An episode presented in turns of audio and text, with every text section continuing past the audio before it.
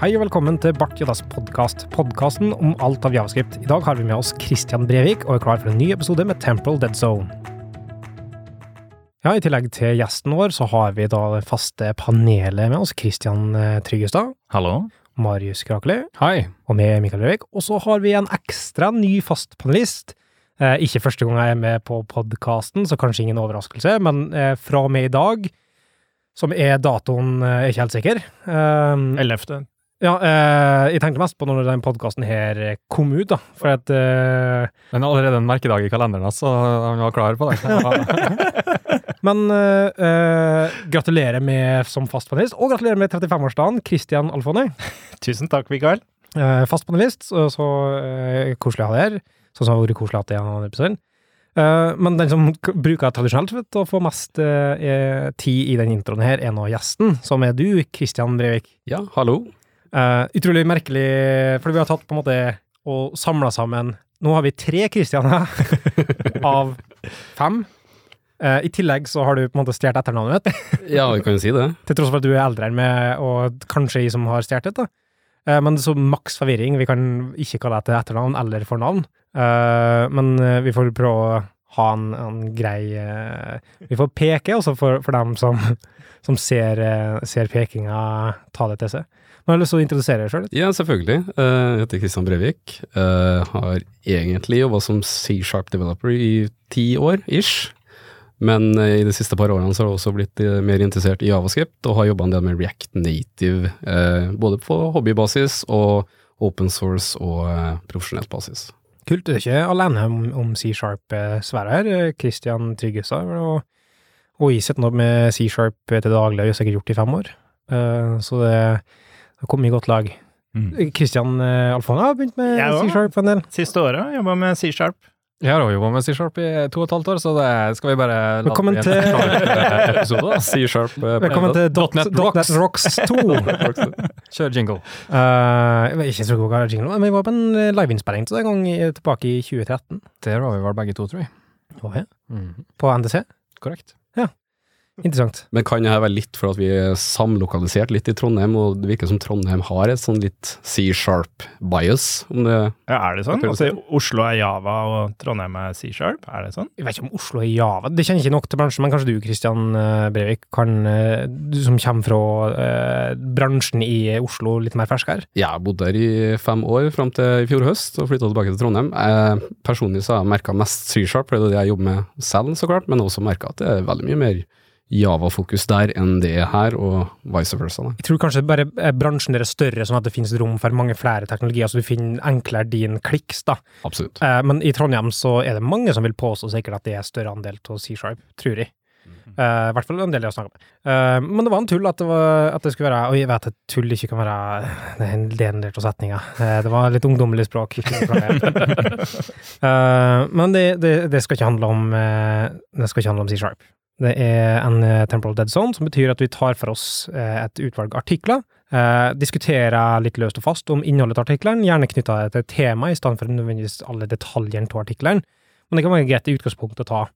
Eh, og de, eh, i denne episoden her så har vi hatt eh, tre artikler, og eh, den første som, som vi skal gå gjennom, er, er React as a UI framework til Dan Abramov. React as a UI runtime. Hva sa jeg nå? Framework igjen? Mm. Ja, Det var nå ikke bra. Den er i hvert fall eh, en, en sizable, uh, sizable bloggpost på uh, overreacted.io, som er bloggen til, til Arne Dan der, da. Uh, I tillegg så skal vi eh, snakke litt, egentlig ikke om en artikkel på så måte, men det er en, en lanseringspost på, på React sin eh, eh, nettside, som, eh, som da er til versjon 16.8. Og så har vi en, en sånn spesialinnslag av et uh, state-håndteringsbibliotek, eller eh, hva vil du kalle det, state-håndteringspakke, som kalles Overmind, fra undertegnede uh, Kristians undertegnede. Ikke jeg som signerer, men jeg signer på, som På vegne av meg, ja. Hvem av dem? Uh, Alfoni. Alfoni Jørgensen. Nei, bare Alfoni nå, faktisk. Ja, du har byttet navn! Ja, formelt. Eh, kult. Hmm. Når blir det Alfoni permanent? Bære det som prins? Nei, vi får se, da. For det er en sånn stepping stone. Det Ja, ja, når jeg blir, eh, blir skikkelig, Ja. skikkelig Når jeg er på topp på GitHub-lista i Norge, da skal jeg bytte bare til Alfon. Du er ikke så langt unna. Du Du skal skal på femteplass. Ja, hvor Det er, var javascript, ja. Ja. Mhm. hvor er du, Mikael? Jeg er på da. Du skal ikke tulle med det her, da, for det er ikke så lenge siden jeg spurte Mikael om Alfoni var ditt artistnavn. Ja. Så Det er en viss sannhet i det. Eh, men i hvert fall Overmind, som, som det heter, som, som skal ta utgangspunkt. Og egentlig mest fordi du har lansert det siden sist gang vi har hatt spilt inn podkast, så det er en artig mulighet å, å snakke om det. Fikk, det har fått litt traction i, i eh, bransjen, eller i hvert fall vår lukke av, eh, av bransjen. Mm. Uh, så det kan være litt interessant å, å snakke om. Eh, så, det, så det er egentlig en uh, Kall det en slags uh, Temporal Dead Zone React Special. Da. Det nærmeste vi noen gang har vært en React Special-type greier. Vi har hatt litt tidligere episoder eh, i løpet av de 30 episodene som vi har hatt, eh, Marius. Så vi har hatt eh, om Angler, blant annet. jeg har vært innom det, ja. Uh, vi har også vært innom Ja, vi hadde en egen episode med for, uh, første episoden med Kristian Tryggestad innom, om, om Angler, var ikke? Jo da. Um, men jeg tror ikke vi har hatt en om React på den måten her. Uh, vi har vært innom det som tema, sannsynligvis, men, men så det her blir på en måte da den, den uh, React Special Temporal Dead Zone-greia. Og det kommer i forbindelse med at Hooks har blitt lansert i 16.8-versjon av biblioteket, så det føltes på en måte tidspassende å snakke litt om det. Hva, um, hva vi tror det hva slags implikasjoner det har, og ta litt utgangspunkt i de artiklene som vi har funnet fram til. Eh, Da starter vi på toppen, som da var eh, React as a UI runtime. Eh, først, hva- hva er temperaturen? 37 grader, eller eh, ekvivalent til antall minutt eh, posten er antatt å leses. Er det faktisk 37 minutter? Korrekt. Det er lang post å lese!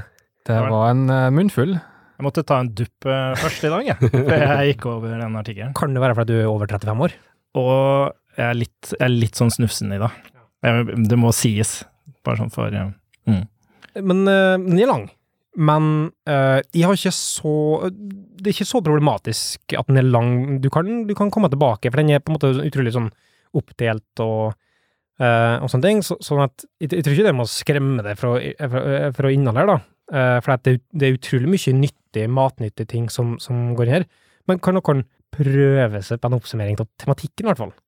Det, han, eh, det jeg syns var litt kult, da, var jeg så en tweet fra Dan Abramoff når han skrev den, og det var det at han, han var i modus. Han var liksom inspirert, han klarte ikke å stoppe å skrive artikkelen, og det syns jeg er et godt utgangspunkt da, for å skrive en artikkel. Og det merka man både positivt og kanskje litt negativt på slutten også, fordi da ble det veldig sånn oppsummering av de tinga som man ikke var like inspirert av å skrive om. Jeg tror ikke vi trenger på en måte dissekte artikkelen i den grad, men jeg er enig i at du, du starta utrolig sånn in depth og, og sånn velforklart.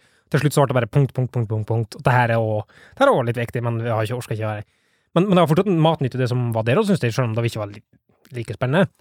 Og det tar altså eh, Artikkelen tar for seg hvordan React eh, fungerer i eh, Forklart med naturlig språk.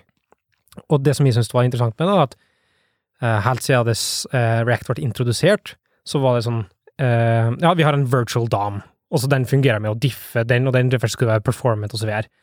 Eh, og så tok den sånn Ja, men det er egentlig ikke performant i den måten at, at det er dritraskt å lage alle slags mulige grensesnitt på det, men uh, det er performant med måten du kan bruke det på å eh, bruke det med uh, å rendre fra toppunktet, og så uh, eh, tar den seg av liksom, den abstraksjonen til å diffe opp mot, for å få det til å tenke konseptuelt sett enkelt. Eh, men så kan du ta grep for å få det mer performant og så videre.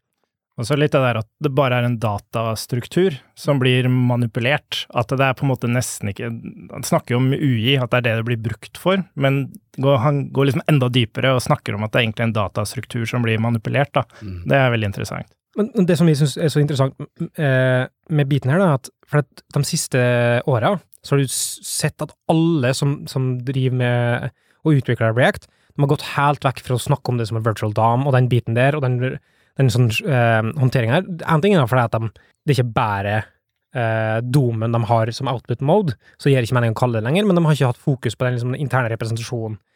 Men her er det litt tilbake til den måten å tenke på igjen, når de forklarer på en måte den oppbygginga. Den forklarer hosts og hosts instances, eller, eller hva det var kalt. Jeg, sy syns det var litt kult også, det, det som jeg tok ut av det, at den konkretiserer litt det at React og hosten som den um, vil ønske å rendre innen, er to separate ting. Og det har kanskje ikke vært så konkret for folk flest. da, Han sier jo i starten at artikkelen er jo ikke for de fleste React-utviklere, så sånn sett så er ikke det kanskje like interessant for de å lese gjennom det her, hvis de ønsker å vite mer om eh, internals og sånn som det er. Men det som, synes, det som jeg tok litt ut av det, som jeg syns er litt, eh, litt artig, er, som Alfoni gikk litt inn på, det med at selve React-treet det er jo bare en beskrivelse av hvordan vi ønsker at hele UI-et skal se ut, imens det er host-renderen i seg selv, eller host environment i seg selv, som har jobben med å faktisk gjøre det her til en realitet. Og sånn sett så er jo egentlig på sett og vis React agnostisk i forhold til hvilken host, instance, eller environment, beklager, det ønsker å rendre innafor. Og du merker jo også det at da React egentlig passer godt overens med veldig mange forskjellige host environments. Ja, det heter host instance. Nei, men jeg leste der host instance var vel de selve, det du kan kalle eksempel DOM-objektene. Ja, okay, Ok, ja, eh, Mens ja, host environment ja, ja. er det som host Host, instance host tree, og så host instance, og så Ja. har en renderer til en host eh, Ja. instance. Men, men akkurat, ja, jeg er helt enig i at det er interessant. Og, men det var det skillet som var Var det React eh, 014 før de gikk over til 15, eller hva? Der de separerte ut React til React eh, Dom. og React Dom. Mm. Der de tok på en måte det skrittet til å ha liksom en utrolig liten uh, selve React-pakka. Den er ikke store biten. Den er få kilobyte, og den gjør nesten ingenting. Men den bare har liksom den derre eh, host-treet uh, inni seg. Og så er det egentlig uh, React Doom som gjør alle arbeidet om å gjøre det om til Dom-objektet, og så har du en renderer som står inn, og så gjør alle de aktive Uh, create, uh, create eh, DOM-element, eller create element eh, med Dom-node, og så classlist.add, whatever, og så alt den biten der, da. Og da gjør det agnostisk til dem, og det er derfor sånn som React Native eh, eh, kan funke, eller eh, eh, Ink, gjerne et, et, et eksempel ut da. Er det det Netflix bruker? Ink? For det er Netflix også bruker det her til sitt UI, faktisk. Og PDF-er. Bygge opp PDF-er. E-poster kan du bygge opp. Du kan eh, Ja, det er jo HTML, da, men Ja. ja. Ja, men det er på en måte subset og HTML som ikke funker Ja, det funker ikke på akkurat samme måte, for den har litt andre standarder, tror jeg, for re- rendermotorene. Um, altså eh, React Canvas, React WebGL Altså det er mange sånne outputs som, som eh, er med der, da, som, Mm. som gjør det plutselig til at uh, Og det omtalende som òg, som er en sånn litt interessant tankeeksperiment, det er å tenke på det som det ikke nødvendigvis bare er et bibliotek heller lenger. Det har blitt en slags Det er egentlig et programmeringsspråk um, som, som du tenker på det som, bare at det er implementert i rammene til Javascript. Mm. Jeg tenker litt sånn at React er en datastruktur, en sånn helt generisk datastruktur, og så har du React DOM og React Native og sånn, som er sånne oversettere mellom host environment og denne datastrukturen. Eh, Og det er derfor de klarer å gjenbruke det. Og så er det akkurat sånn som du sa, at de oversetter da native API-er til å manipulere den datastrukturen, og så skal det tilbake igjen eh, inn i eh, host environment, om det er React Native, eller om det er browseren, eller hva det er for noe. Mm. Men eh, han pekte også til at det er ikke for alt. Eh, du har sånn som, jeg husker ikke hva eksempelet var, eh, 3D-pipes, for den. Ja, Refererte til. det er også den eh, skjerm, skjermspareren. Skjermspareren, ja. ja. At eh, det må være en viss statiskhet rundt det. At det kan ikke være sånn at hele treet endrer seg på hver eneste oppdatering. Da gir det ikke noe mening. Um, Det var vel slik at det skulle følge to prinsipper. Det var stabilitet og det at mønster som går igjen, Ja. som kan på en måte Men går, igjen, men endrer seg ikke for ofte heller. Mm. Sant det. Og så tok han også opp det her med, som jeg syns er veldig interessant, det her med For det kan hende mange som stiller seg spørsmålet hvorfor vi har dette med key og sånn. Eh, Hvorfor er egentlig det der? Og det her med hvordan er det de faktisk løser det med at elementer erstatter hverandre og sånne ting. Det er utrolig interessant å lese om. Og tidligere så har det ikke blitt så um, Det har ikke blitt så menneskelig forklart på den måten her, da. Akkurat den, den biten der rundt reconciliation, altså han snakka om, det å, å, å endre fra tilstand til tilstand og sånne ting, det har ikke vært så tilgjengeliggjort for å sånn eh, i, i en så lettfatta måte å skrive det på, meg. Eh, og jeg husker godt fra når, når vi hadde der uh, Torgeir Thoresen og jeg hadde lagde omniscient uh, abstraksjon til React, så slet vi mye med den måten her å tenke. Altså, mye av den reconciliatinga, uh, reconcilinga vet ikke, Engelsk ord. Um, og vi slet mye med keys og vi slet mye med den biten der, for det var liksom ikke så godt forklart, så vi måtte prøve oss fram til det før vi endelig skjønte hvordan sånn det her funka. da. Um, og det å lese det her nå er en så utrolig tilfredsstillende måte å sitte og lese på, for du bare oh, Ok, ja, den bekrefter mye av det som du måtte ha allerede skjønt, da. Ja, for Jeg husker den forklaringa om at eh, man skal beskrive eh, grensesnittet til komponenten til enhver tid. Altså, kanskje dårlig oversatt, men det er sånn du Når ikke du vet hva React gjør, så er det veldig vanskelig å forstå eh, fordelene med det, da, og hva, hva betyr egentlig det?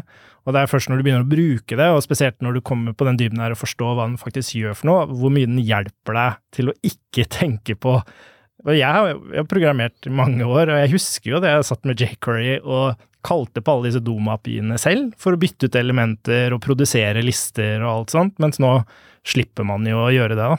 Ja. Det får meg inn på en, tanke som er en hel digresjon i hele tatt, men vi tror vi kan ta oss til. At, eh, for det finnes, det finnes ofte tilfeller der det er en, en god teknologi å gripe etter, da. Det, det å håndtere Dom-API-et manuelt. Det er fortsatt, jeg mener at det er fortsatt mange use cases for å gjøre det. Uh, så det, uh, det med at du slipper å tenke på at det skjer i bakgrunnen, og at du har slipper å tenke på at og når vi har et problem om, om at uh, domen er expensive å manipulere på, det er en sånn interessant tanke at kanskje, kanskje det er vanskeligere å konseptualisere etter Altså, du, du snur det i hodet, da. At, at nå så blir det vanskelig å konseptualisere at domen er eh, tungvint og um, å manipulere, så derfor eh, blir det enklere å bare gå etter React når du egentlig ikke trenger noe. Ja, ja, absolutt. Men helt annen diskusjon, jeg innser det, Mm. men Men det som også er verdt å nevne, er jo det at når du har det her, eh, den generiske strukturen i bunn, så kan du hive den på flere environments. Så du kan skrive én komponent, og så kan den komponenten rendres både på React Native og på weben, da. Eh, Og det er et open source-prosjekt, jeg kom på det akkurat nå, som er ja, open source, skal se på all koden, der de deler komponenter mellom De bruker det her eh, Nei, vi får finne det fram etterpå.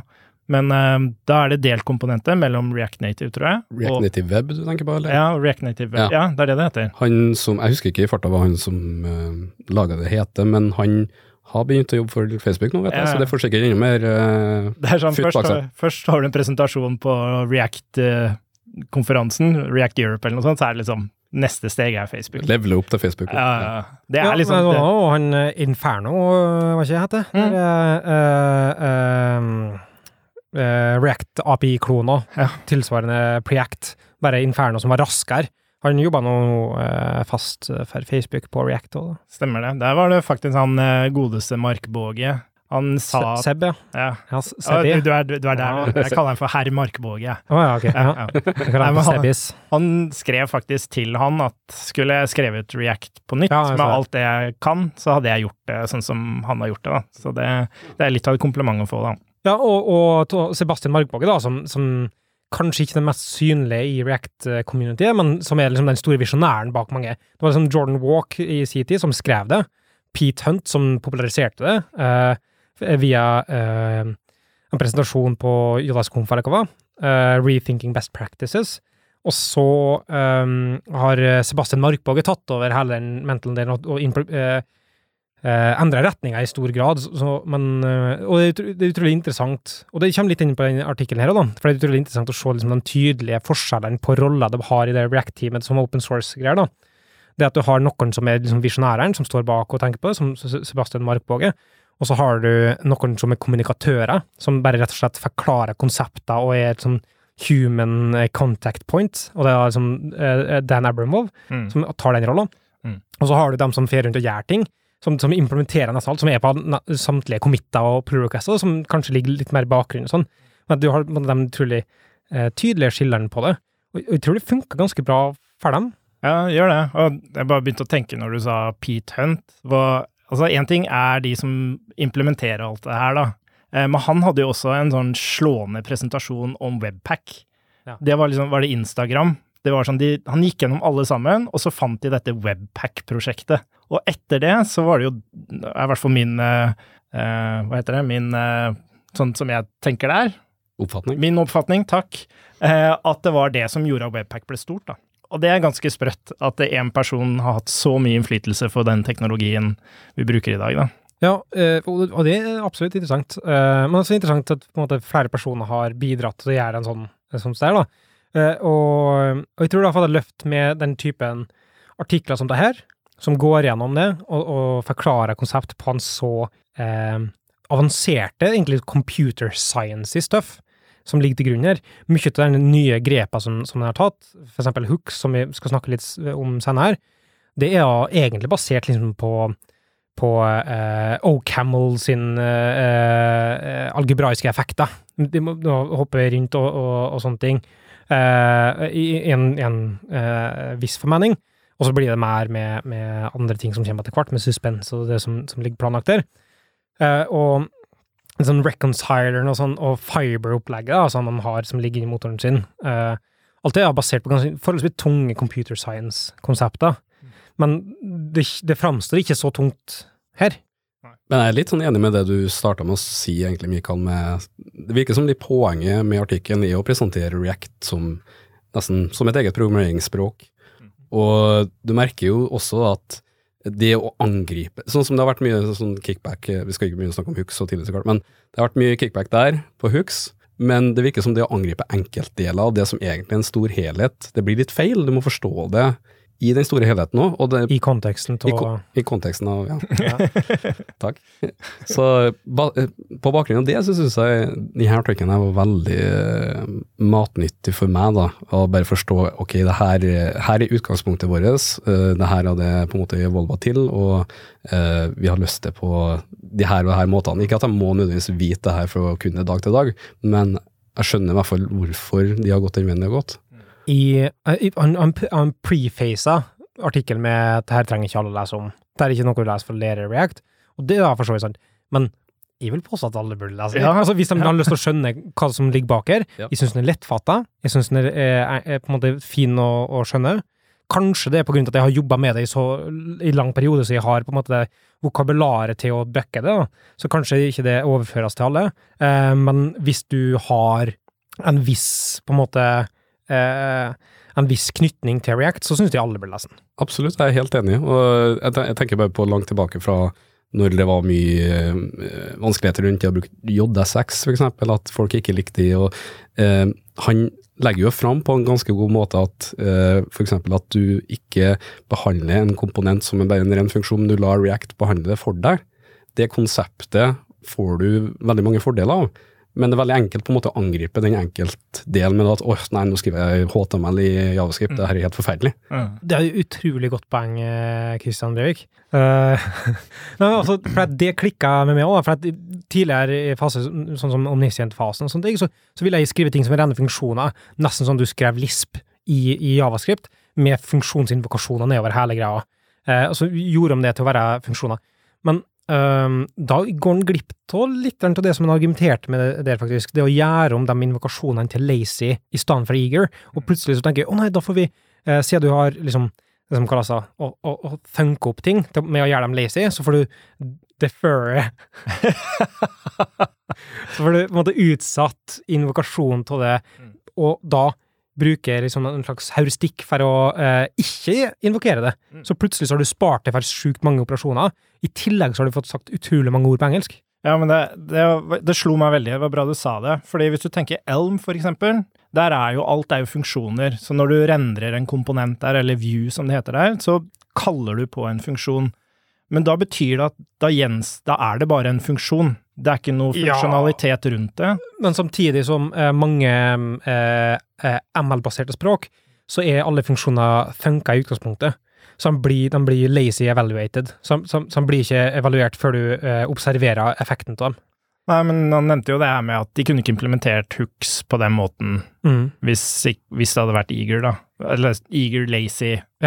Men, men jeg vet ikke om eh, det er overførbart til eksempel Elm, for jeg, er usikker på hvordan Elm er implementert, men i hvert fall sånn som Haskell, mener jeg, så er eh, ting eh, funka opp by default, så du kan ha en funksjon som ser ut som du invokerer den som et argument, men det er ikke før du faktisk bruker det eh, i en expression at det blir deevaluert til den faktiske verdien av det. Ja. ja. Så de er, de er mange sånne funksjonelle språk, og gjerne de som er basert på eh, ML, er da De er lazy i, i utgangspunktet, da. Ja, for det er det at du unngår å, å gjøre noe med den komponenten Mm. til det punktet du egentlig skal evaluere om du trenger å gjøre noe med den komponenten. Ja, utsette helt til, eh, til Siste. du har behov for det. ja ikke sant? og eh, så, så, i, eh, og det kommer litt fra det med funksjonelle aspekter, og at, at React er litt funksjonelt, og så er det litt ikke funksjonelt, og så videre. Da, men det at de gjør det på den måten, og har brukt Juda 6 til å få til en sånn lazy evaluation av det, er interessant. Og det er et aspekt som jeg ikke har tenkt over i det hele tatt. Selv om du teknisk sett kan vel få det i en viss Nei, ikke med argumenter. Du får ikke gjøre det. Men så er det jo litt det at, ja, en ting, ja, som du sier med lazy, men i hvert fall om det er lazy eller eh, sånn som React har implementert det, um, så er det jo det at de kan gjøre noe med den funksjonen før den kalles på, så de kan gi den funksjonalitet utover det at det er en ren funksjon, da. Mm. Ja, du kan, du kan legge på ting eh, på enkeltbladet. Eh, og så har du jo åpenbart de, liksom, de, Hvis du snakker om JSX, så er det de bitene rundt at ja, du får mer familiarity mellom HTML og så videre, som kan være fordeler. Men jeg er spent på, eh, for at vi har eh, noen ganske sånn god representasjon i panelet her av ulik erfaringsnivå. Marius, du har begynt med React en del i det siste. Mm. Riktig. Uh, og, og Kristian Tryggestad, du er forholdsvis uh, eh, u... Barbeint. Det kan vi si. Hva som var det uh, Hva gir det mest mening å starte med, Marius eller eh, Tryggestad? Du kan godt starte med Tryggestad. Ja, da kan Tryggestad altså, hva, som var det å lese for din del som ikke har noe på måte, repertoar å operere på tålet, da? Jeg har jo, jeg har jo lest litt om uh, React underveis hele tida, bare for å holde meg litt orientert om uh, hvordan det kan sammenlignes med Angler, da. Så lite grann grunnlag har jeg. Uh, og jeg syns jo egentlig den artikkelen her var, den var grei å lese. Den var lang, men den var ikke kompleks.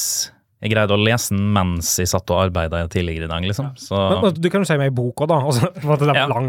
Men ja. Ja, men altså, jeg, har- jeg, har, eh, nettopp lest, prøvd å lese en artikkel om eh, Angular sin nye Ivy-compiler.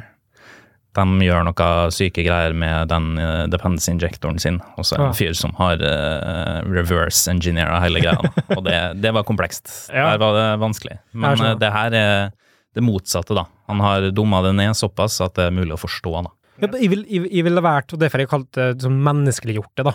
For du, det er en egen sånn egenskap å kunne forklare ting på en lettfatta måte, og det, det, på en måte, det er ikke det er ikke en enkel ferdighet, og det det, som kommer tilbake med den rolleren, da. Han er kanskje ikke den som, som uh, er den teknisk vidunderbarnet i, uh, i teamet, men han har på en måte funnet rolla si til å forklare det på en god måte, da, og det er sånn adaption og sånne ting som det her, så tror jeg det er gull verdt.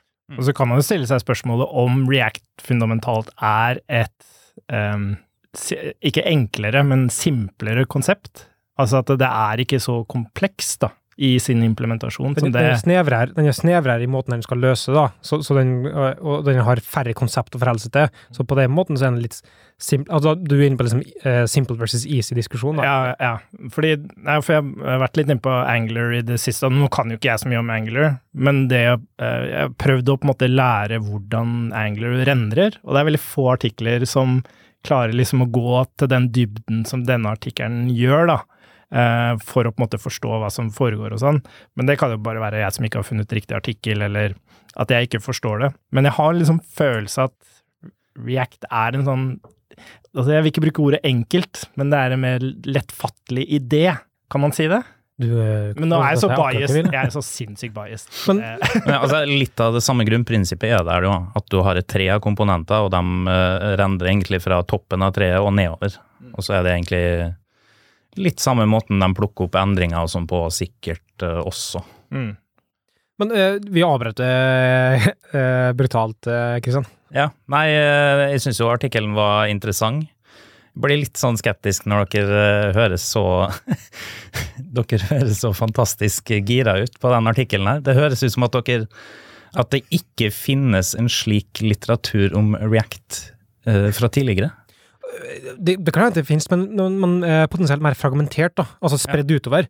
Eh, det som gjorde det her eh, eh, ehm, så på en måte Som gjorde at jeg ble interessert i artikkelen i utgangspunktet, var fordi at den rett og slett tar fra seg A til Z, Mm. for det er engelsk. um, ATZ med, med hva som er, eh, går i React. da. Den tar på en måte for seg hele eh, fundamentet av det. Så egentlig, så hvis du bare har litt repertoar å gå på, så kan du lese der, og så skjønner du alt som er med React. Mm. Uh, og er litt tilsvarende en artikkel som kom ut i, i 2014, uh, som er fra Jeg, jeg tror det var uh, James, James Long eller noe som kom ut med den, der det var sånn skriv din egen React, eh, og hadde rett og slett eh, implementasjon fra, fra botten av, hvordan du skulle gå frem for å lage en egen måte, og den forklarte det på med den, den tids vokabular og den tids kunnskap, så forklarte den det på liksom tilsvarende måte. Og den er jo et kjempe, kjempe, kjempebra artikkel, og løsna som en måte eh, tråder i hodet, da. Og det samme eh, er dette her. Mm. For, for min del, da. Jeg syns det som var litt artig, da, for at uh, jeg kom fra litt andre side. Jeg har ikke hatt så mye erfaring med å skrive egne rammeverk, sånn som resten kanskje rundt bordet her har, men jeg gikk jo inn i koden til React og så litt på den nye Fiber-greia og hooks og lignende etter å ha lest det her, og tenkte at det her må jo Endelig kan jeg begynne å forstå ting. Jeg forsto jo ikke en, en døyt, egentlig, av hva som skjer, og, men det, det viser jo litt at det er jo så stort at det å bryte ned til enkeltbestanddeler er jo veldig vanskelig. Og sånn sett så er det jo veldig bra skrevet en Mm. artikkel også. Ja, ja, nei, for det var det jeg lurte på, da, om, om eh, det som er under havoverflaten på React, om det er så komplekst at det er nesten ingen som forstår det, på en måte. Ja, sånn, ja. Jeg tror det gjør veldig mye optimaliseringer, og det er sånn for alle. Og det også inkluderer jo selvfølgelig Angler og alle de store. At de, Ja. de går liksom til det siste i optimaliseringer, og hvis du skal skrive leselig kode i Javascript, så, så er ikke det den mest optimale koden, som regel i hvert fall. Jeg husker, jeg husker spesielt én kommentar jeg leste lest når jeg var inne på koden der, var at uh, det sto noe sånt som uh, Vi må ha den hacken her, lol, because IE does not support string repeat, eller noe sånt som det. Mm. Og det, det var massevis av sånne ting nedover. Ja, og det er til og med kommentarer på spesifikke skjermtyper i forhold til sånn oppdateringsfrekvens på skjermer, og det er bare Hæ? Det er javascript, liksom. Koder man for sånne ting? Det er helt vanvittig. Men det har vært kult, og kanskje, kanskje det er det som har kommet fra James Long der, men det har vært kult å liksom få sett eh, det her funksjonaliteten eh, i grunnprinsippet, utenom å ha alle de hacks og sånt, Mm. sånn rundt, bare for å se ok, sånn her i Vi flyten. har sjekka ut den uh, Write Your Own React, for den gjør syns jeg alltid da.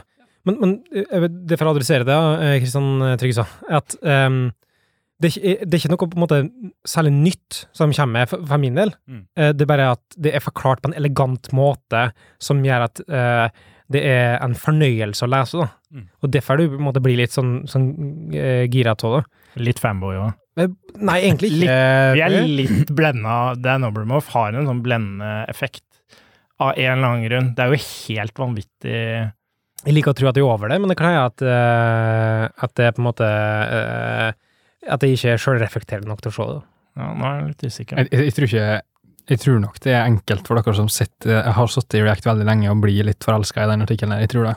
Uh, nå sitter jo Kristian Tryggestad på den litt mer kritiske sida, mens jeg sitter litt midt i grauten, og synes sjøl at artikkelen var en fornøyelse å lese.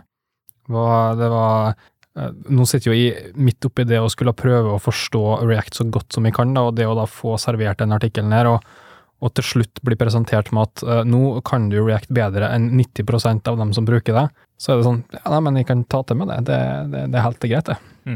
Jeg tror det er viktig å tenke på, eh, for det er også litt sånn Dan Abramoff-fanboy-fenomen, er det der at jeg tror det er veldig mange bra artikler der ute. Det er bare de får ikke attention. De får i hvert fall ikke den attention som denne artikkelen her fikk, da.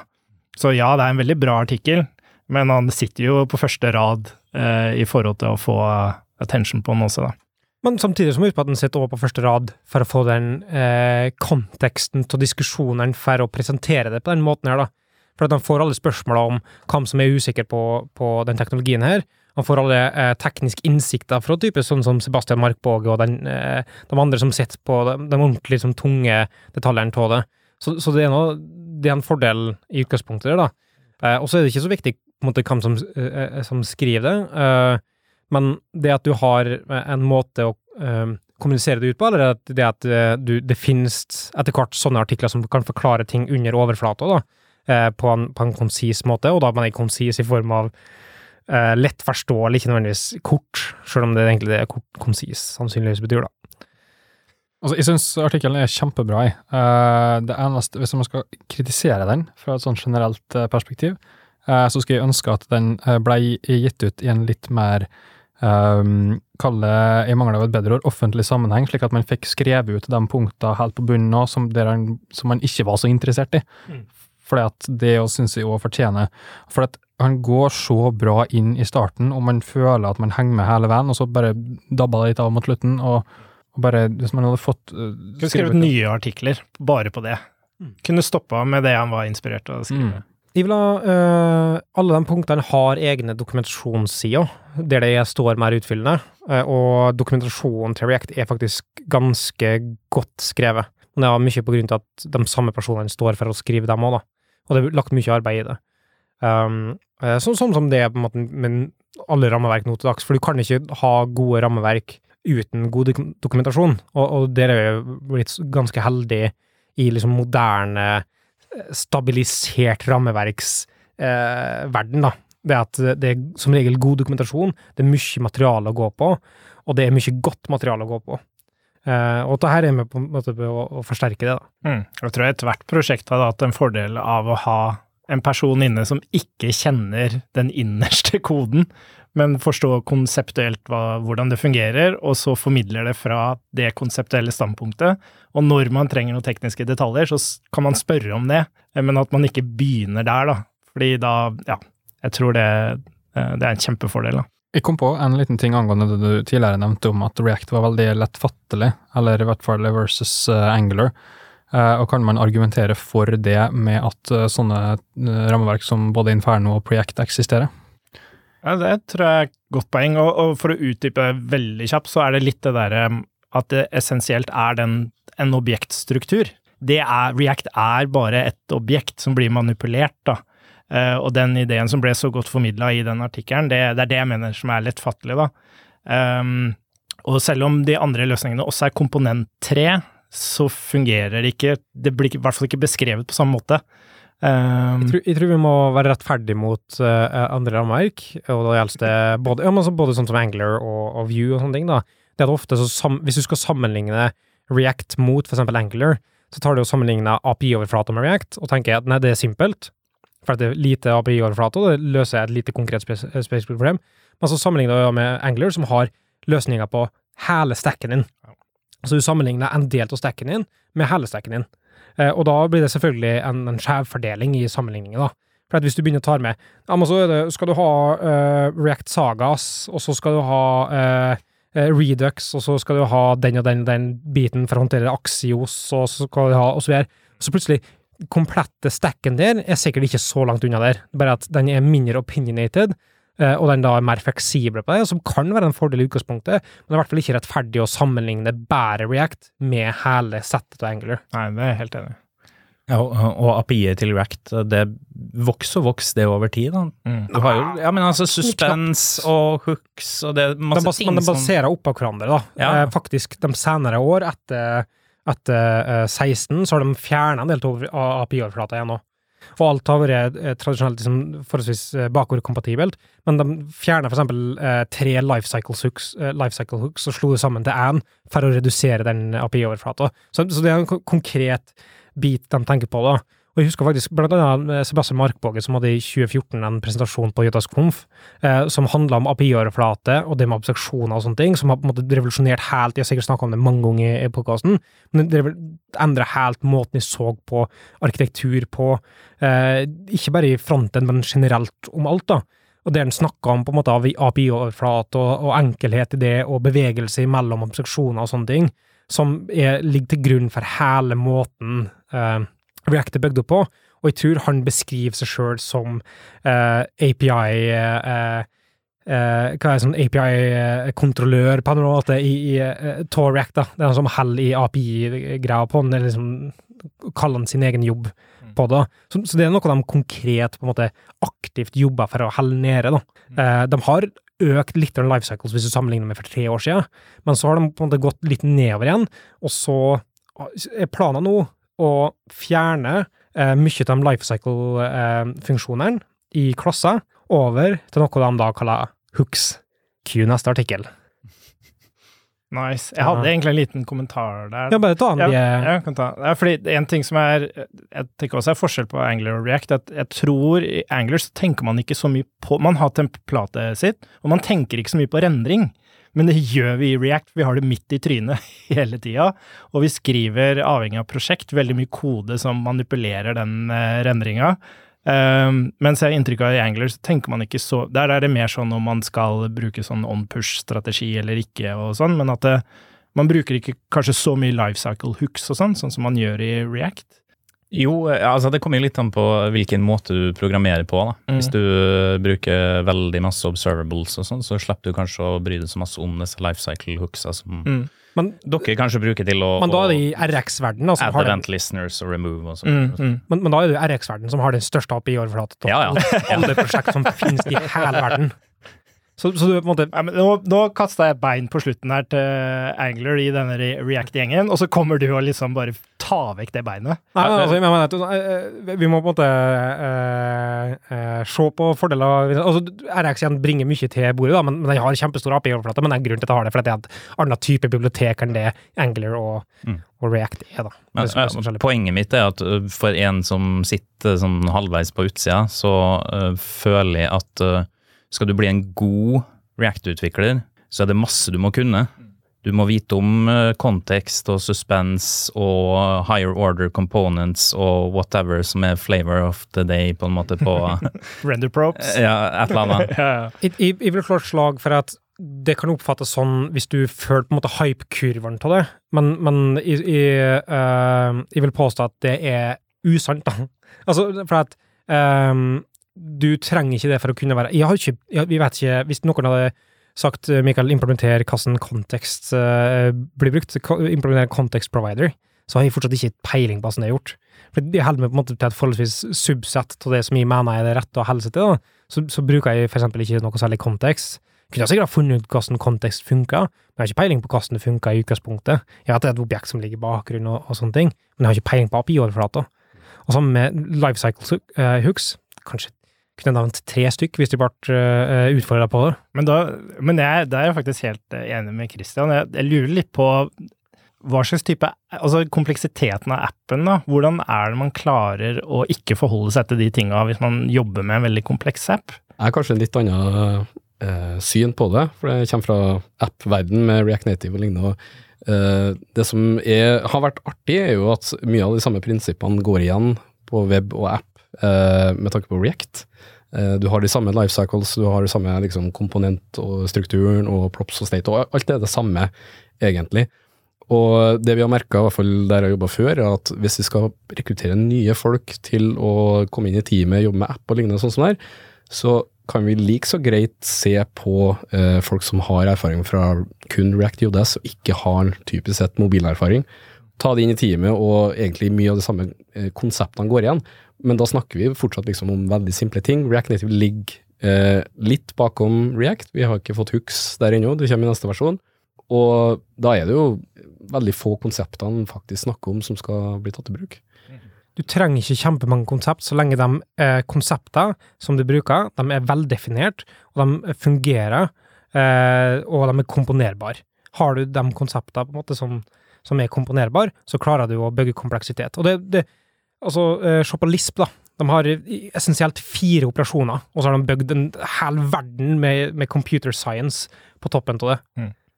Ja. Nei, jeg tenker bare sånn, en sånn enkel ting som uh, higher order component, da. Det, det er funksjoner som returnerer funksjoner. Jo, men, Det er et konsept som fungerer i programmeringsspråket av at det har førsteklasses høyreordensfunksjoner. jo, men det er for folk som er liksom har, har jobba med det konseptet i programmering generelt. Men her sånn så kommer man inn, man hopper kanskje fra et tidligere rammeverk. Kanskje man ikke har programmert så mye, og det er et ganske komplekst konsept. da. Kon konstanten mellom ett rammeverk til et annet rammeverk er fortsatt javascript. Så hvis du lærer javascript på et, på et, på et nivå, så kan du operere på eh, det felles grunnlaget som er eh, kunnskapen der, da. Jo, men da må man jo fortsatt lære mye, da, for å på en måte ta det i bruk. Man må lære mer, jeg er helt enig med at man må lære mer for å ta i bruk React enn å ta i bruk eh, andre rammeverk, da. Jeg vil påstå at det er mye enklere å lære seg javascript, og så lære seg React, enn å lære seg React og så javascript. Det, det, akkurat med den tror jeg du kan ha rett. Nå var vel litt av poenget med hooks er vel også at man da slipper å bruke klasser. fordi at det var for vanskelig. Jeg har hørt at det er masse bugs i klasser. Det, det var så pussig sånn kommentar. Sånn, jeg har ikke sett en eneste artikkel, jeg har ikke sett en så velskrevet artikkel som, som den vi akkurat snakka om, på hvorfor klasser er dumt. Uh, og jeg lurer på om det er litt sånn man har en preferanse mot funksjoner, fordi man har sett noen sånne tweets også fra Markboge. Sånn ja, nei, i dag så jeg noen nye ting som gjør klasser vanskelig å jobbe med, og sånn, men det er aldri noe konkret. Hva er det som gjør klasser så vanskelig å, å, å jobbe med sånn dypt teknisk, da, i React, eksempel? Skal vi ta en eh, Vi har, vi har snakka altfor lenge allerede. uh, så det går på, går på tross av neste artikkel her, men vi har snakka om det med hooks tidligere. Men jeg syns det er verdt å ta en uh, Nå når det blir lansert, tar vi en liten sånn uh, steg tilbake, så ser vi hva er konseptet. Du nevner det med klasser, ikke mer klasser. Men betyr det at det er en bakover uh, en brekkende endring? Stilt et ledende spørsmål? Nei, hva jeg har lest, er det ikke det, i hvert fall. Um, og de har vel også sagt at ikke gå og refaktorer all den gamle klassekoden din til Hux, uh, men heller bruk det på, på, ny kode. Vi kan vel si det sånn at i og med at det er en minor versjon av React, så burde det ikke være noe som knekker. Og det som er hele poenget, er at det er en, det er en bakordkompatibel endring. Mm. Det er bare en eh, additional uh, Og faktisk så tror jeg ikke man har gjort en breaking change siden 2016 eller noe. De har vært utrolig stabile over en lengre periode. Uh, og sånn som de gjorde det tidligere, når de gikk over fra create class til faktisk class, fra 14 til 15, om jeg husker rett, um, så gjorde de sånn at de trekte ut det til en egen pakke, så du kan fortsatt bruke create class via React create class-pakken.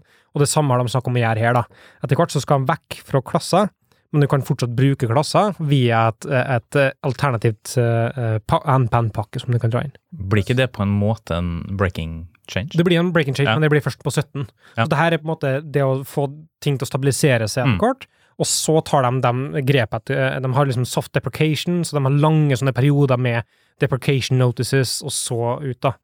Um, og så provider de, i hvert fall den gang, og det kommer sikkert til å gjøre igjen, provider de uh, battle-tested code mods, som altså AST-transformeringer. Uh, abstract syntax tree-transformeringer som tar ferske, kompilert javascript, og så transformerer det til en annen uh, abstract syntax tree, og så printer det ut tilbake til javascript, så er det en stabil, mye mer tryggere uh, refaktureringsmetodikk enn regex replacement, da, er poenget. Så han provider det med å skrive om koden din, og, og sist gang sånn, med Create Class-endringer, så gjorde de det på hele Facebook-kodebasen, og testa den ut sjøl før de ga ut en sånn sånn migrasjon. da. Så de har tro på at det kommer til å bli gjort på en god måte, hvis du ønsker å gjøre det på en god måte. Det er ikke sikkert konseptet overføres like enkelt her som, som da, men det, eh, det, blir spennende å se, i hvert fall. Mm. Eh, men hooks kan vi forklare som at det er life cycles i funksjoner, uten klasser? State. State? Du har state-logikk i rene funksjoner, så du kan holde på state, eh, håndtere state, selv om det bare er en funksjon som blir kalt. Hva betyr en ren funksjon? Hæ? Hva betyr at du sier ren funksjon? Ja, unnskyld. Eh, komponenten er en ren funksjon. Ja, hva betyr en ren funksjon? Kan du forklare? Det er en funksjon og ikke en klasse. Ja, men hva er, hva er det som gjør den ren? Den er ikke ren. Nei. er det det du skulle fram til? Nei, nei, nei. Jeg vil, jeg vil fram til at de som kanskje hører på, ikke har hørt begrepet en ren funksjon. Uh, men du tenker kanskje ikke på en ren som en pure function? Du, Nei, jeg tenker ikke på, på en Jeg tenker på en Altså, i React, da. Ok, men da trekker jeg tilbake spørsmålet. Nei, ja. Da kan man definere en komponent som en funksjon som eh, tar inn eh, props, og man returnerer da en UI-beskrivelse der man kan bruke de propsa. Men man har tidligere ikke hatt tilgang på Man kan ikke ha, noe state der, som gjør at når du rendrer gang på gang, så husker den den forrige staten den komponenten hadde.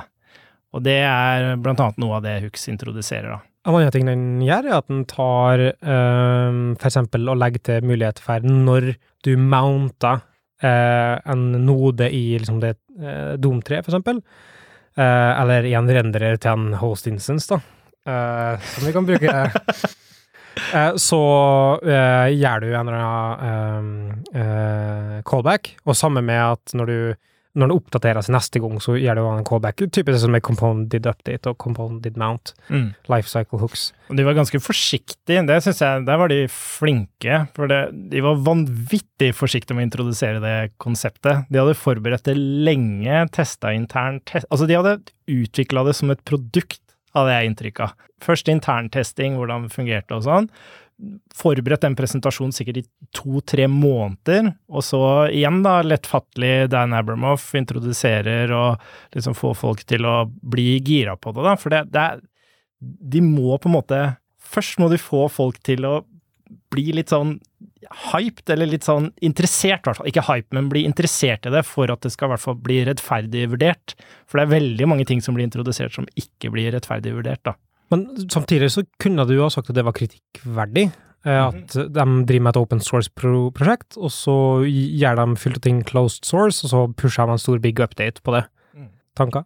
Det har jo vært en diskusjon, jeg vet ikke om det er noen View-folk rundt bordet, men det har jo vært en diskusjon om det nettopp at View, neste versjon, skal utvikles close source eh, blant collaborators. Ja, han, fikk, han fikk kritikk for det, i hvert fall. Yeah. Jeg, jeg leser ikke alt sammen, men jeg, jeg så at han har fått kritikk for at de ikke pusha all koden umiddelbart til GitHub, så alle kunne se hva som skjedde under hele utviklinga Ja, av Vue, da. Og mitt, mitt første inntrykk på det var at nå har jeg bare jobba på små open source prosjekt, så jeg vet jo ikke helt uh, hvilken skala de jobber på egentlig. Jeg har ikke fått uh, kjent det på kroppen, men jeg tenker jo at det er veldig smart egentlig, for det er jo så mye støy med det å i hele tatt legge ting ut der, og det er ting igjen, da, det kommer tilbake til å angripe de enkeltbestanddelene av React. Uh, det å holde close source i hvert fall jobbe litt med å liksom, kjenne litt på konseptet sjøl, det virker som en smart ting, men Ja. Og, og det gjorde de også i React, at de la det som uh, proposal. Altså, De hadde jo allerede bestemt seg for at dette skulle inn i React, men måten de politisk håndterte det, la det ut som et proposal for å få Men det er smokes and mirrors, da. Ja, ja. Uh, så, sånn, du kan se at det er en, en slags gråsone av behandling, eller sånn governance av open source-modellen her, da. For du har et, et prosjekt som i utgangspunktet er sier at det, Ja, uh, Facebook er jo hovedmaintaineren av det, men det er mange core contributors som òg ikke nødvendigvis er en del av uh, altså Facebook-ansatte teamet òg, og det er mange som har lagt mye tid i det. Um, og, med å gjøre det på den måten, så plutselig neglisjerer det deres innsats i det. Uh, så så det, kan, det kan være en, en negativ virkning med det òg. Ja, men det er litt det derre at når man har den statusen, holdt jeg på å si, som React-teamet har, så må de tenke på alle, da. Når de diskuterer, så tenker de at dette eh, Kanskje ideen kommer internt, men de vet ansvaret de har, og da følger diskusjonene det ansvaret som en sånn bak bakteppe. Men når de først legger ut det forslaget, så kommer alle perspektivene som på ingen måte er hvordan skal dette fungere for alle? Det er bare ens egne erfaringer. Og det er som ja, snakker om støy og sånn, det er kan ta knekken på, på alt, altså. Altså, og, og det, har, er på, Jeg skjønner det at det er ikke trivielt å drive et, et prosjekt av den massiviteten som det det har, da. Sånn både i eh, antall konsumenter og, og eh, eh, folk som, som følger med på hva som skjer, da. Og eh, kritikere og, og, og så videre. Altså polariserende meninger i utgangspunktet. Jeg tror det har litt med timing å gjøre, i hvert fall på den størrelsen der, at de må bare Det må skje noe internt, også med View. Det er jo kjempe, kjempestort. Um, men at det, det må ut en gang, men at det er gjennomtenkt, da, det som kommer ut. Ja, det, jo, det er jo en stor fordel for uh, Hooks, da, eller at man har faktisk forberedt det så godt på forhånd. Uh, at med en gang det blir sluppet, så er det haugevis med dokumentasjon, og det er noen som sitter og svarer på Twitter om hva nå en skulle komme inn av spørsmål og sånn. Så det er jo en stor fordel, og som vil gjøre at det får en mer traction i community, og heltestatusen bare øker, på en måte. men, det er men det er jo også ulemper med det, da. Uh, Ja, jeg ser absolutt ulemper Mm. med det, men, men det kommer liksom fra open source-filosofisk eh, perspektiv, da. Det med at ja, du, du kunne ha gjort det på en annen måte. Altså, du kunne ha sagt at uh, nei, vi utvikler det noe kontinuerlig uh, underveis, men vi annonserer det ikke i noe stor grad. Men det kan hende at jeg, skjønner at det kan være utfordrende når det er så mange som driver og følger med på kodebasen og, og, og hauser det opp med en gang. Da. Så, så det, det, det er nok sikkert ikke så enkelt som den naive hjernen min skulle få det til å tro. Nei, for det er en sånn balanse der. Det blir feil hvis det blir da fem personer som sitter inne på et rom i et år og utvikle et konsept, og så er det ferdig. Eh, og man kan, man kan kanskje si det her, at eh, det gikk veldig fort fra de annonserte det til det faktisk ble lansert. Ja, folk kom, fikk muligheten til å komme med tilbakemeldinger, Men, men, ingen, ingen, ingen tilbakemelding har blitt Altså, Ja. noe, de har ikke gjort noen revolusjonerende endringer. Nei, ikke sant? Det var, en det var en request for comment, Yes. men no comments was uh, etter Ikke sant? Det var heller sånn der Ja, nei, det var heller sånn Det var ikke sånn utfordre konseptet i seg selv eller ting rundt det. Det var liksom mer flisespiking, på en måte. Det er litt typisk, da. Sånn, eh, jeg er utrolig interessert i å høre hva du har å si om det her, men det må være positivt. Vi vil gjerne at du skal si uh, Jeg vet ikke hvorfor det ble om trønder, men det kan vel kanskje si at det ikke var trønderdialekt heller. Ja, det er trønder? Jeg vet ikke. Jeg tror vi alle kjenner oss litt igjen i det òg. Jo, jo, absolutt, men, men det er sånn eh, interessant. Men det er at det eh, strider litt imot liksom, den open source-mentaliteten. Det er et veldig godt poeng. ja. Det har vært mye snakk i det siste om utbrenthet og open source også. Jeg har hørt en del om sånn eh, han Guido van Rossum, eller hva han heter. Python-grunnleggeren har vel trukket seg tilbake. Så hadde vel han eh, han heter Rich Hickey, han eh, som Ja. laga Closure, hadde vi en sånn manifest i det siste. Så jeg, Orker ikke mer.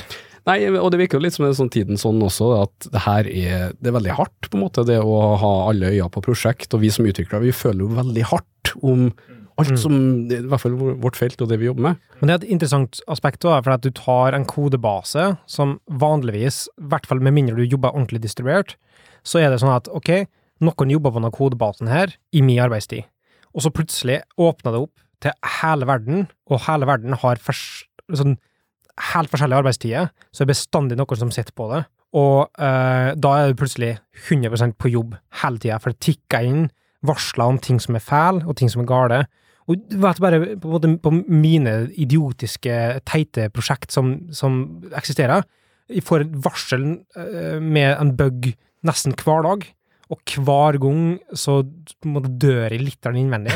Og til min, flere og flere jeg får inn, til mindre og mindre får jeg lyst til å ta tak i det. Så det bare råtner sakte, men sikkert, mens konsumenter går opp, og livsgleden min går ned. Vi må lage færre bøks, da. Skriv bedre kode. Skal vi bedre teste? Ja, og det som er tingen nå, er Ta at det, et hint. Det er på en måte et kode som vi skrev i 2013 og aldri har tatt til sida, og så har det bare fortsatt levd og levd og levd. Og, og hvis, på en måte, hvis jeg kjenner på den måten, på det Ja. trivielle der, forestill deg for noen som har laga et ekte prosjekt, som, som får ordentlig uh, som realiti... Altså implikasjoner for samfunnet rundt seg, med, i stedet for irriterende pop-ups på skjermen sin. Jeg hadde en litt sånn gledens dag veldig nylig med et uh, open source-prosjekt jeg hadde for React Native, som var sånn React Native Google Analytics-greie mot native bibliotek. Og nylig, i- fjor høst, så fikk jeg en mail fra Google om at nå skal vi deprecate den mobil-SDK-en og skru av API. For helt ærlig, det var en gledens dag. Jeg var så glad. For det er endelig eh, Bare det å jobbe mot et tredjeparts API og rappe det, og liksom ha bare prisgitt eh, Google sine endringer, det å bli kvitt det hodebryet, det var deilig. Men jeg- for jeg har også sånn erfaring rundt det forrige prosjektet jeg jobba på. Da var jeg, da var jeg nær å klikke, bare kaste hele prosjektet. Cerebral. Ja, fordi det var eh, så intenst med tilbakemeldinger og diskusjoner og måtte forsvare og sånn, og det jeg lærte gjennom det, var at hele det prosjektet starta bare som en idé. Det var ikke noe tanke om hvor det prosjektet skulle. Og så ble det bare iterasjon etter iterasjon, nye ideer, og masse av det er jo veldig positivt, men så glemmer man bort alt arbeidet som skal til, alt man skal forsvare og sånn. Ambisjonene skalerer til et fulltidsprosjekt, men Ja. har det bare en bitte litt ledig tid til å jobbe på det. sant? Ikke sant. Og det, det tror jeg er veldig viktig hvis man skal legge ut et uh, verktøy. Selvfølgelig avhengig av verktøy også, men man, man prøver å lansere en, en kjerne av en idé som man kan bygge på. Eh, som kan utvikles videre, og kan, man kan eh, putte inn andre pakker oppå det man har laga. Sånn at eh, man kan bare si ja, men det kan du implementere selv. Det er i hvert fall min tanke i forhold til det prosjektet, eh, prosjektet som jeg jobber på seinere, da. Fordi det, man har ikke tida. Det går ikke. Man dør, som du sier. Du eh, har laga en eh, fin overgang eh, til neste post, for jeg tror rett og slett tida har kommet. Eh, det ble ikke så mye snakk om hooks, men det var en interessant diskusjon uansett. Uh, Jeg tror vi har planta en god del ideer om episoder vi egentlig burde ta i framtida, da. mm. vi kommer ikke til å gå tom for episode med samme Nei, det gjør vi ikke. Vi er holdt på i over tre år. Vi har i hvert fall materiale til tre år til. Minst. Uh, men etter Cerebral, er det, er, vil du, har du erklært det uh, i dvale? Nei, mer som uh, låst API, eh, og følger det opp i forhold til bug-rapporter. Ha ambisjoner og er liksom Alt er ambisjoner. Ingenting er 'det skal jeg gjøre', for det er jo ingen som betaler eller Nei, har men, avsatt tid til det. men det som er tingen, er at det er ingen Altså, jeg mener at vi har en sånn eh, stigma knytta til og, eh, eh, Nesten litt sånn sjenerøs med, med benevnelsen stigma, men vi har en sånn vi har en sånn tanke om at eh, ting som ikke kontinuerlig oppdateres, betyr automatisk at det er dårlig. Ja. Det at et open source-prosjekt som ikke har fått en commit eh, på eh, de siste seks månedene, betyr automatisk at det ikke er brukernes. Mm. Men, men det er ikke slik det funker. Mm. Du kan stabilisere noe, du kan ha det eh, håndtert, og du kan på en måte leve lenge uten at det skjer en oppdatering annet enn eh, små vedlikeholdsendringer. Uh, så så, så det, det, det betyr ikke at det uh, trenger å være dødt på noen måte. Nei, så det er det som er tanken. At uh, man supporterer de som bruker det, og eventuelt de nye som også velger å bruke det. Og så fortsetter man ikke den eksperimenteringa som jeg snakka om tidligere. Det er bare Det må stoppe, da.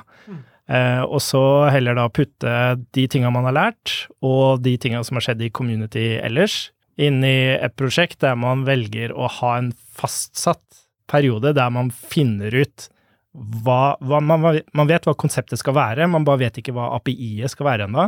Og så finner man ut at ok, nå har vi et godt nok API til å formidle og gjøre eh, I hvert fall gi et ferskt perspektiv.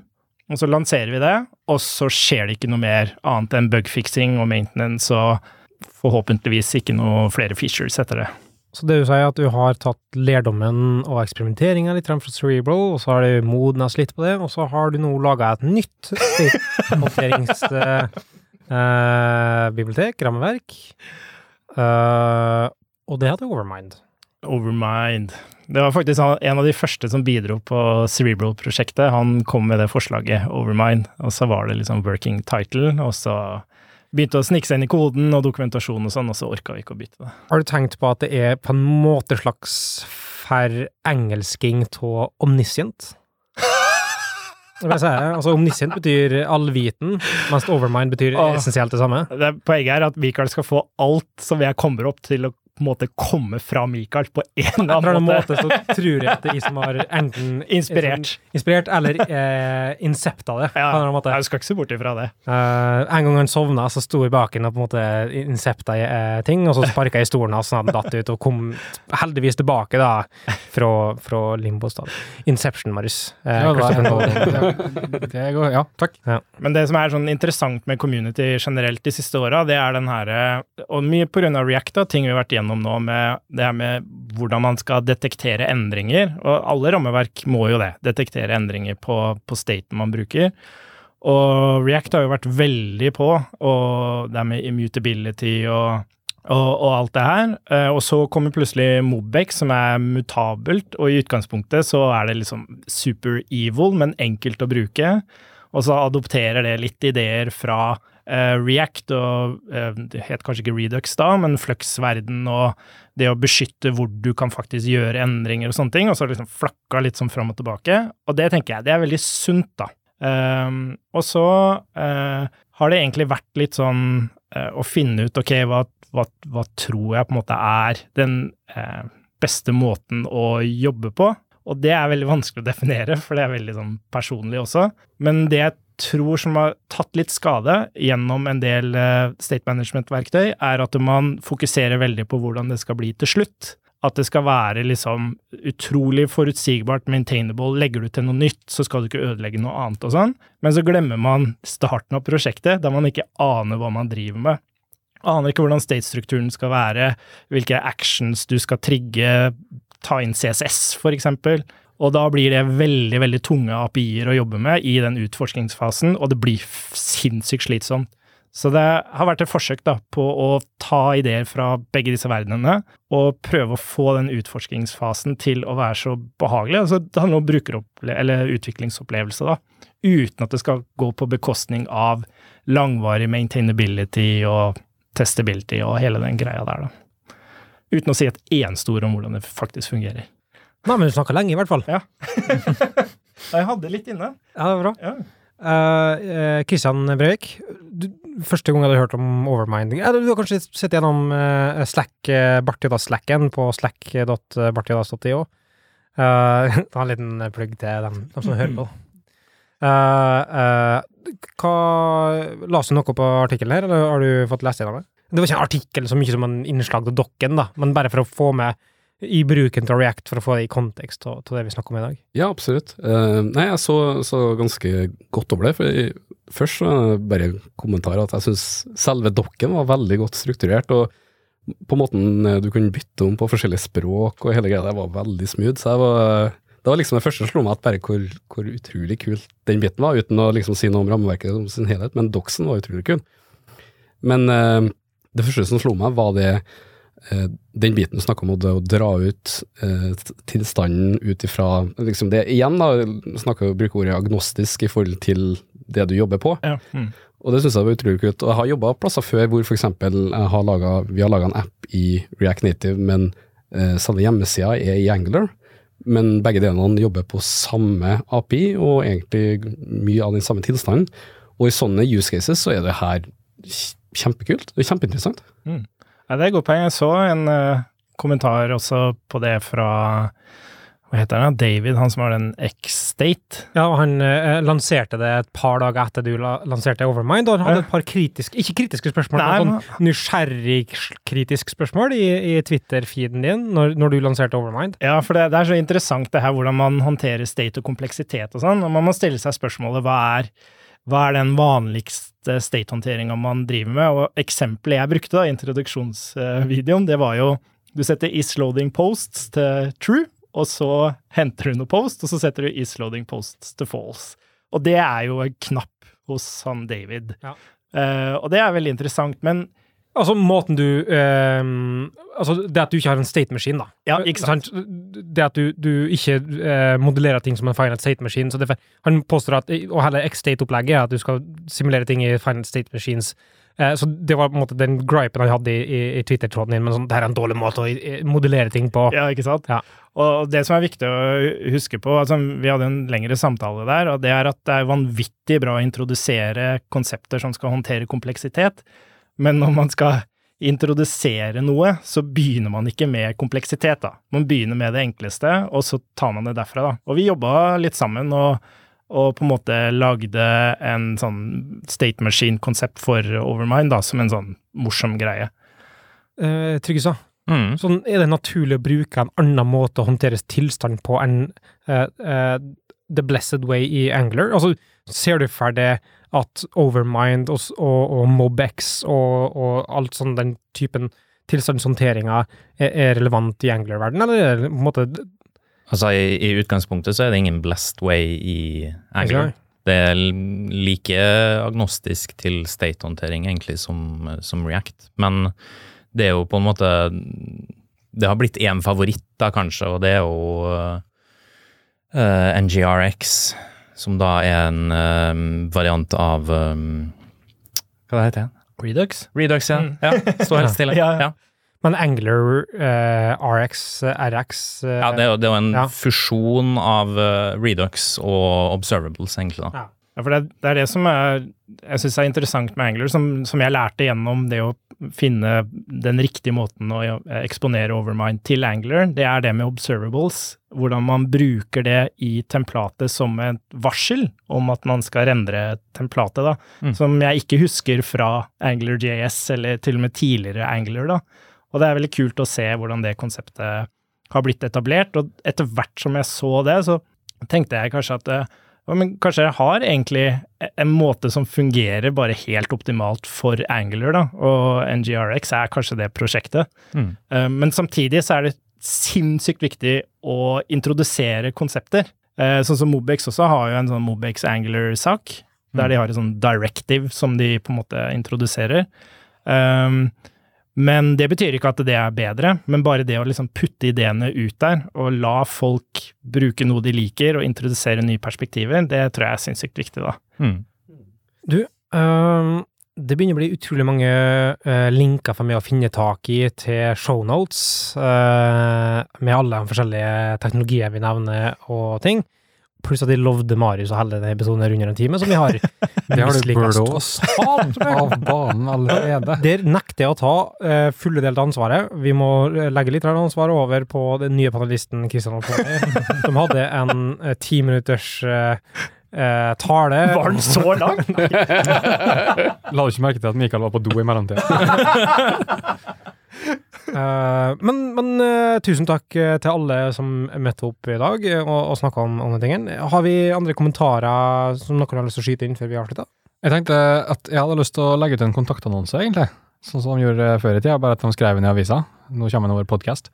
Jeg kunne tenkt meg å, å, få tak i en person som er skikkelig gira på view. Si ifra på enten på Slack, på slack.bartjodas.dio, eller send tweet til underscore, underscore bartjodas. Tusen takk til alle. Hvis det er noen eh, som har lyst til å kontakte med spørsmål Kristian Breivik, har de en plass eh, der de kan gå? Nei, Twitter er en fin plass. At Kristian Breivik. At Kristian Breivik. Uh, og Kristian uh, Alfoni. Kan jeg, kan jeg plugge For jeg, jeg, må plugge lite grann. Hva, hva skal du plugge? Fordi, nei, sånn, det er Kristian Alfoni på Twitter. Uh, men så kan man også gå, for jeg fikk tips fra Marius om å Fordi nå jobber jeg mye mer med open source og sånn, at man kan gå på Nei, nå ble jeg litt flau. Uh, du kan gå på co-fi.com slash Christian Alfoni, og så kan du kjøpe kaffe til meg. Ja, og uh, Bartiodas podkast har da 10% av alt du får med den reklama. Marius, hvis de har spørsmål om, eh, om uh, podkasten generelt, eller produksjon, eller hvis de har lyst til å ha den heteste innen nye miksere, hvor går de da? Vi finner du som vanlig på Twitter, på attkrakels. Og endelig, Kristian, nå er vi tilbake yes. etter en episodes pause. Mm. Jeg er spent på om det har endra seg med mengde r-er eller x-er. Nei, det er samme som sist gang, altså. Så det er to, To R-er. x-er. Og én X. Ok. Uh, vi kan jo nå på at Mikael Brevik, eller uh, så sitter jo faktisk på uh, kontoen at underscore Bart Joddas med blant annet Marius. Så du kan jo sende tweets og direktemeldinger der. Så gjenstår det egentlig bare å si takk for at du hørte på. Så høres vi i neste episode.